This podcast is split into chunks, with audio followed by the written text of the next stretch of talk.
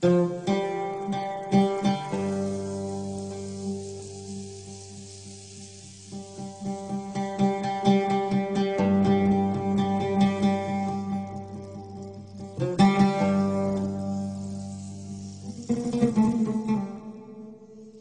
Mekah ada seorang pemuda Quraisy.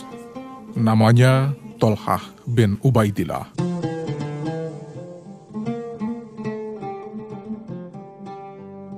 Meski masih muda, ia punya kelebihan dalam strategi berdagang. Tolhah dikenal cerdik dan pintar, hingga dapat mengalahkan pedagang-pedagang lain yang lebih tua dan berpengalaman.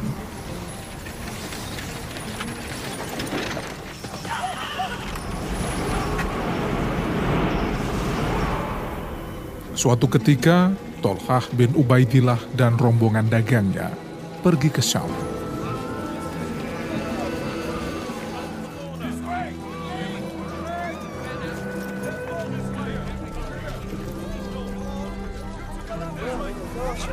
Sesampainya di Busro, tiba-tiba seorang pendeta berteriak-teriak. Wahai para pedagang, adakah di antara tuan-tuan yang berasal dari kota Mekah? Ya, Aku dari penduduk Mekah. Begitu Sautolha. Sudah munculkah orang di antara kalian yang bernama Ahmad? Tanya pendeta itu. Ahmad yang mana? Tanya Tolha. Ahmad bin Abdullah bin Abdul Muthalib. Bulan ini pasti muncul sebagai nabi penutup para nabi. Kelak ia akan hijrah dari negerimu ke negeri berbatu-batu hitam yang banyak pohon kurmanya. Ia akan pindah ke negeri yang subur makmur, memancarkan air dan garam. Sebaiknya engkau segera menemuinya, anak muda. Begitu kata pendeta itu.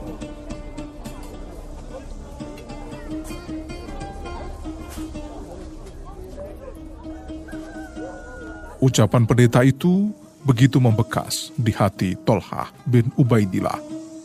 Sehingga tanpa menghiraukan kafilah dagangnya, ia langsung pulang ke Mekah.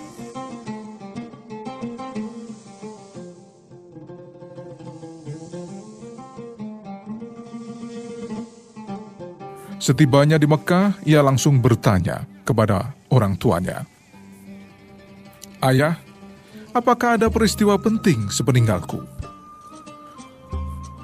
Ayahnya menjawab, ada. Muhammad bin Abdullah mengatakan dirinya nabi, dan Abu Bakar telah mempercayai dan mengikuti apa yang dikatakannya.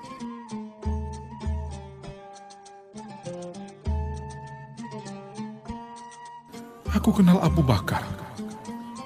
Dia seorang yang lapang dada, penyayang dan lemah lembut. Dia pedagang yang berbudi tinggi dan teguh. Kami berteman baik. Banyak orang menyukai majelisnya karena dia ahli sejarah Quraisy. Begitu kata Tolhah lirih.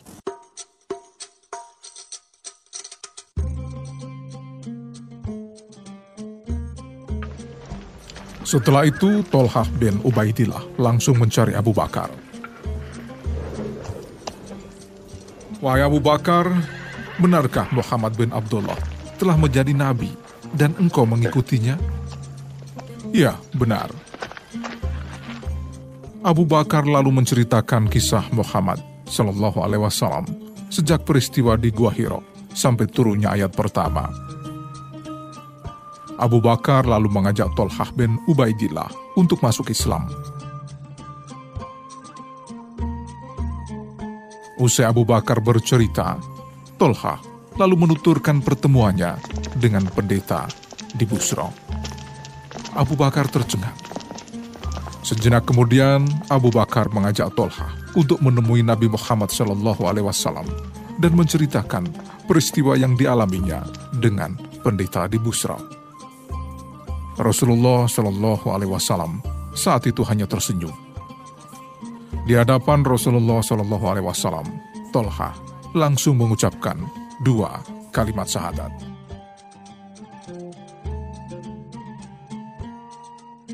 Bagi keluarganya, Islamnya Tolhah bin Ubaidillah dinilai sebagai aib yang sangat besar. Lalu pihak keluarga dan orang-orang yang satu suku dengannya berusaha mengeluarkannya dari kepercayaan baru yang dianut Tolha, yakni agama Islam. Awalnya dengan bujuk rayu, namun karena pendirian Tolha yang sangat kokoh, kaum kafir Quraisy akhirnya bertindak kasar.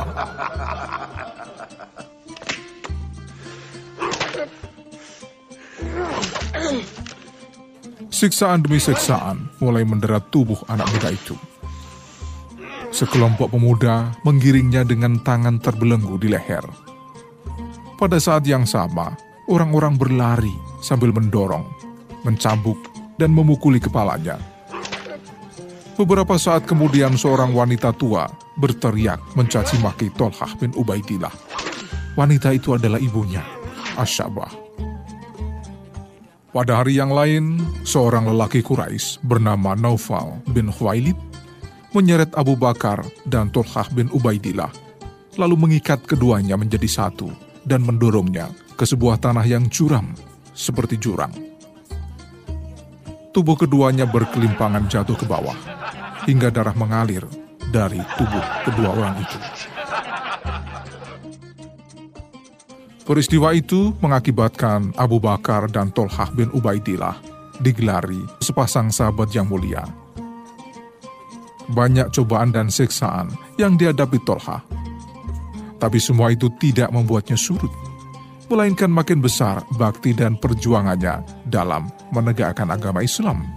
Hingga banyak gelar dan sebutan yang didapatnya, antara lain syahid yang hidup.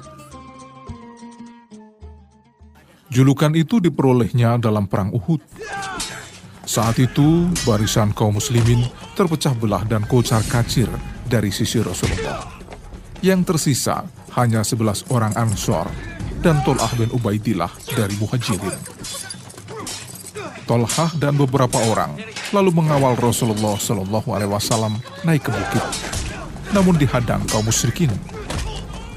Rasulullah Shallallahu Alaihi Wasallam lalu berkata, Siapa yang berani melawan mereka akan menjadi temanku di surga kelak. Aku yang akan melawan mereka ya Rasulullah. Begitu kata Tulhah bin Ubaidillah. Namun Rasul berkata, Tidak, jangan engkau. Kau harus berada tetap di tempatmu. Lalu seorang prajurit Ansor berteriak, Kalau begitu aku ya Rasulullah, aku yang akan melawan mereka. Ya, majulah. Prajurit Ansor itu lalu maju melawan prajurit-prajurit kafir. Pertempuran yang tak seimbang menghantarkannya menjadi syahid.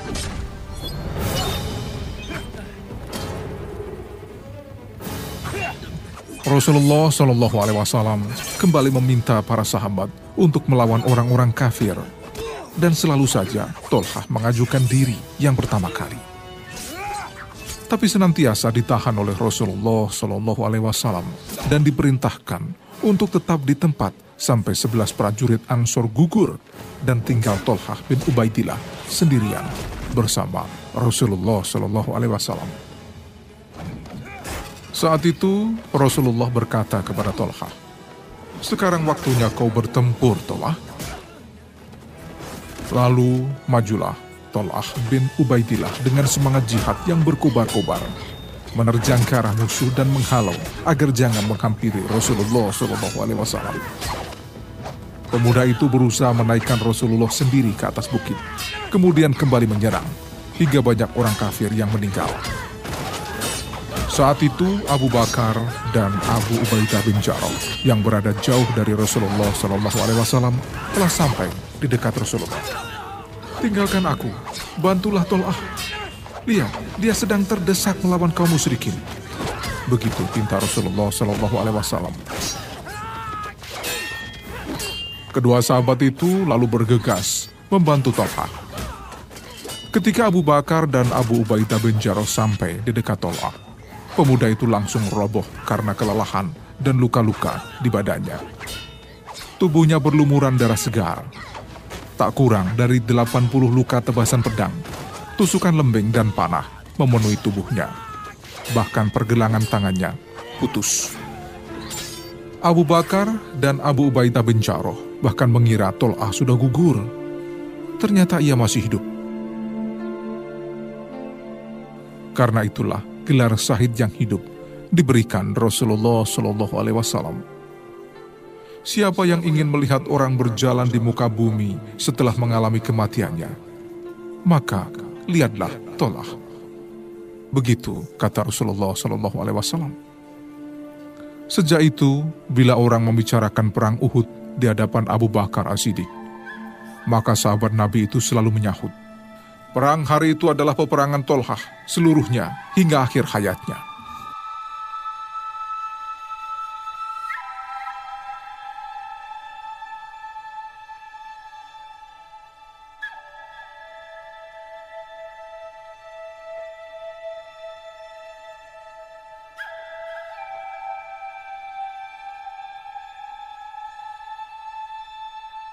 Kemurahan dan kedermawanan Tolhah bin Ubaidillah menjadi panutan banyak warga Mekah. Dalam hidupnya, ia mempunyai tujuan utama, yaitu bermurah dalam pengorbanan jiwa. Tolhah merupakan salah seorang dari sepuluh orang yang pertama masuk Islam, di mana pada saat itu satu orang bernilai seribu orang. Sejak awal keislamannya sampai akhir hidupnya, Tolhah tidak pernah mengingkari janji, menipu, apalagi berkhianat. Ia juga dikenal sangat kaya, tapi pemurah dan dermawan. Suatu hari istrinya melihat Tolhah bin Ubaidillah murung dan sedih. Melihat kondisi itu, istrinya lalu bertanya, Suamiku, mengapa kau kelihatan sangat bersedih?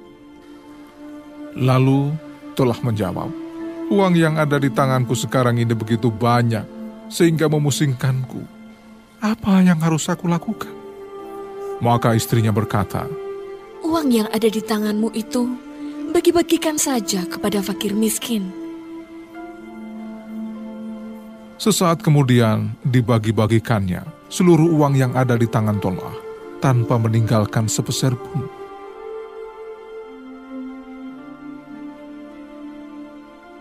Sewaktu terjadi pertempuran Al-Jamal, Tol'ah yang berada di pihak yang lain terkena panah beracun di bagian betisnya. Maka ia segera dipindahkan ke Busra. Tapi tak lama kemudian, ia wafat. Tol'ah bin Ubaidillah wafat pada usia 60 tahun dan dimakamkan di suatu tempat di dekat padang rumput di Busra. Rasulullah Shallallahu Alaihi Wasallam pernah berkata kepada para sahabat, Orang ini termasuk yang gugur, dan barang siapa yang senang melihat seorang syahid berjalan di atas bumi, maka lihatlah Talhah bin Ubaidillah